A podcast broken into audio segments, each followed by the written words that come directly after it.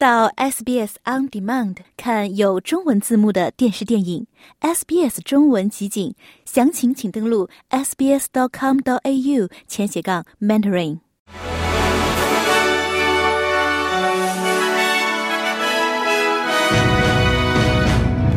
听众朋友们，下午好，我是 SBS 新闻记者浩斐。今天是二零二三年八月十一日，星期五。本期 SBS 新闻快报的主要内容包括：储行行长拒绝将冻结房租作为应对住房危机的措施；澳大利亚将以人道主义为名接收更多的人；新州政府暂缓提高 The Star 赌场扑克机税；阿尔巴尼斯强调社区对可再生能源转变的重要性。即将离任的储备银行行长菲利普·洛伊拒绝将冻结房租作为应对住房危机的措施。绿党已经提议冻结房租。他们本周公布了议会图书馆的研究报告。据估计，如果实行房租冻结，本财年租房者平均可节省两千多澳元。总理安东尼·阿尔巴尼斯表示，冻结房租超出了联邦政府的权力范围。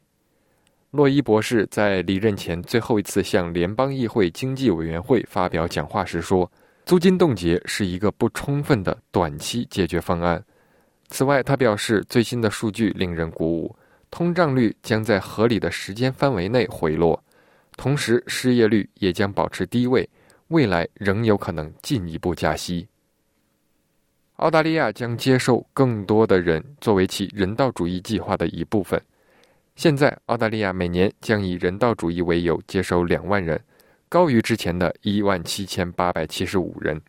移民部长安德鲁·加尔斯表示，接收人数的增加将使澳大利亚在应对全球人道主义危机方面发挥更大的作用。全球有二百多万人急需重新安置，一亿人被迫流离失所。加尔斯说：“尽管有此变化，澳大利亚的边境保护政策仍保持不变。”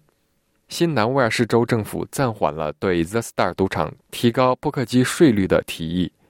赌场扑克机税将于明年七月升至百分之二十一点九一，但是，一项由维多利亚州发起、新南威尔士州上届联合政府制定的将征收高达百分之六十的税率的计划，却被推迟了七年。新南威尔士州财政部长丹尼尔·穆凯表示。现在就征收更高的税率，将导致 The Star 关门大吉。他表示，随着收入的增加，The Star 将被要求缴纳更多的税款。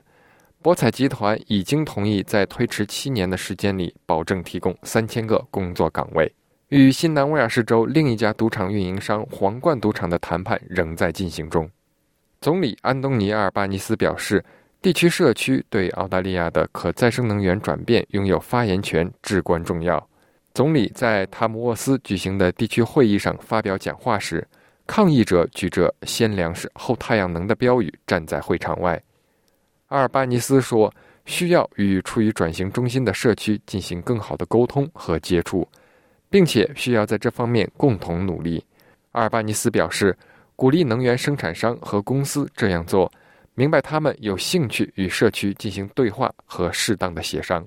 好了，以上就是本期新闻快报的全部内容。感谢您收听本期 SBS 新闻快报。在任何播客平台搜索 SBS 普通话，点击订阅，开启消息提醒，即可了解澳洲国内外的新闻及社区信息。